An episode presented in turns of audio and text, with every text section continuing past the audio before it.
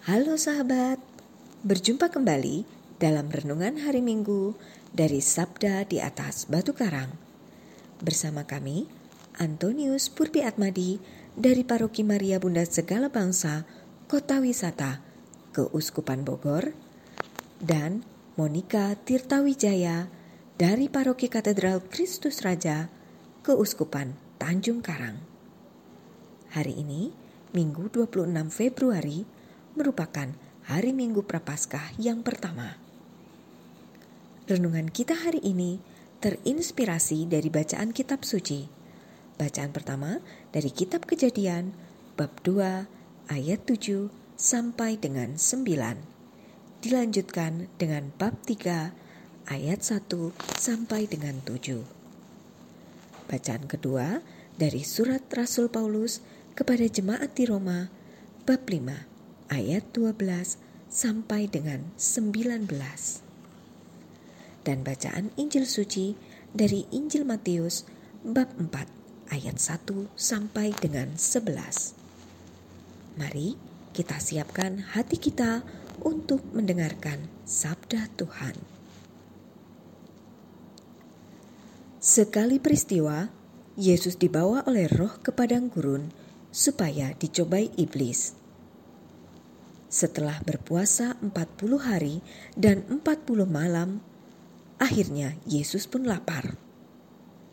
Lalu datanglah si penggoda dan berkata kepadanya, "Jika engkau anak Allah, perintahkanlah supaya batu-batu itu menjadi roti." Tetapi Yesus menjawab, "Ada tertulis, manusia hidup bukan dari roti saja." Tetapi dari setiap firman yang keluar dari mulut Allah. Kemudian iblis membawa Yesus ke kota suci dan menempatkan dia di puncak bait Allah. Lalu iblis itu berkata kepadanya, "Jika engkau putra Allah, jatuhkanlah dirimu ke bawah, sebab ada tertulis mengenai engkau." Ia akan memerintahkan malaikat-malaikatnya dan mereka akan menerima engkau di atas tangannya, supaya kakimu jangan terantuk pada batu. Yesus berkata kepadanya, Ada pula tertulis, janganlah engkau mencobai Tuhan Allahmu. Setelah itu, iblis membawa Yesus ke atas gunung yang sangat tinggi dan memperlihatkan kepadanya semua kerajaan dunia dengan kemegahannya. Iblis berkata kepadanya, "Semua itu akan kuberikan kepadamu jika engkau sujud menyembah Aku."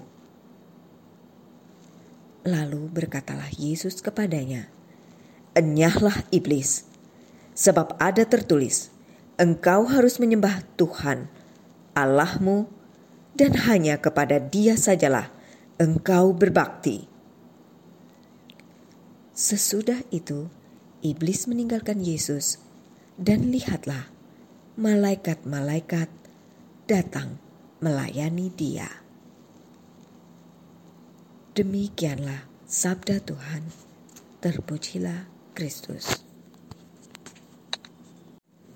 Saudara-saudari yang terkasih, Bacaan-bacaan kitab suci pada hari Minggu pertama Prapaskah ini menggemakan tentang waspada terhadap pencobaan dari si jahat. Seperti dalam bacaan pertama, manusia Hawa yang tidak tahan terhadap godaan ular cerdik, yang tak lain adalah si jahat. Adam pun tak tahan terhadap rayuan Hawa, istrinya. Dalam kehidupan kita, ada aneka macam pencobaan atau godaan yang dapat melemahkan atau mengikis habis iman kita.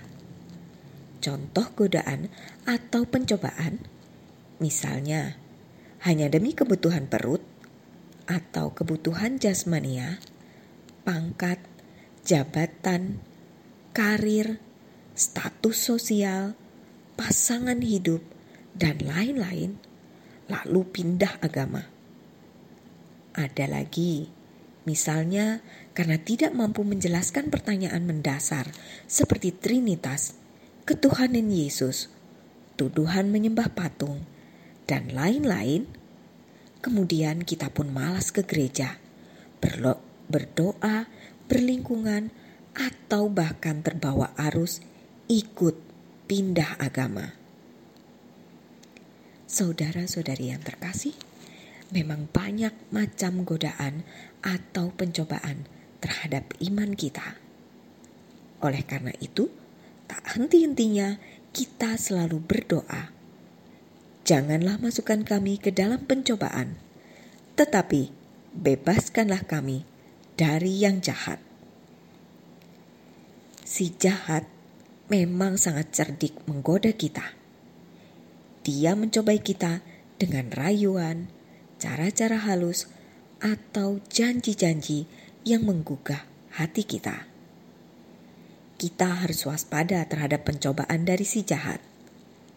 Gereja mengajarkan bahwa si jahat itu adalah pelaku yang paling banyak membawa malapetaka yang dapat menyebabkan kita berdosa dan tidak mematuhi Allah lagi. Bahkan menjauh dari Allah Rasul Paulus mengingatkan agar waspada terhadap dosa karena dapat membawa kita kepada maut. Yesus pun pernah digoda atau dicobai oleh si jahat. Sebagaimana kita dengarkan dalam bacaan Injil pada hari ini, si setan berusaha keras menggoyahkan kesikap Allahan Putra Yesus dengan iming-iming kerajaan dunia dengan segala kemegahannya, asal Yesus mau menyembahnya. Namun, Yesus mampu menampik tawaran atau pencobaan si setan. Saudara-saudari yang terkasih, seperti Hawa dan Adam, kita memang lemah dalam melawan si jahat, sehingga kita begitu mudahnya jatuh dalam pencobaan. Sabda Tuhan hari ini mengajak kita untuk memiliki sikap seperti Yesus, berani dan mampu menampik setiap rayuan, tawaran, atau kehendak Allah, bukan kehendak diri sendiri. Karena Yesus selalu fokus pada tugas perutusannya pada kehendak Allah.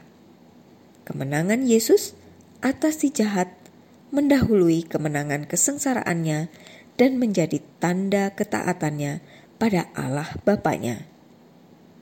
Semoga dalam masa prapaskah ini Roh Kudus menyertai kita dan kita dimampukan untuk fokus dan setia pada kehendak Allah sehingga kita mampu melawan setiap pencobaan yang berasal dari si jahat. Semoga Tuhan memberkati kita dan selamat berhari Minggu.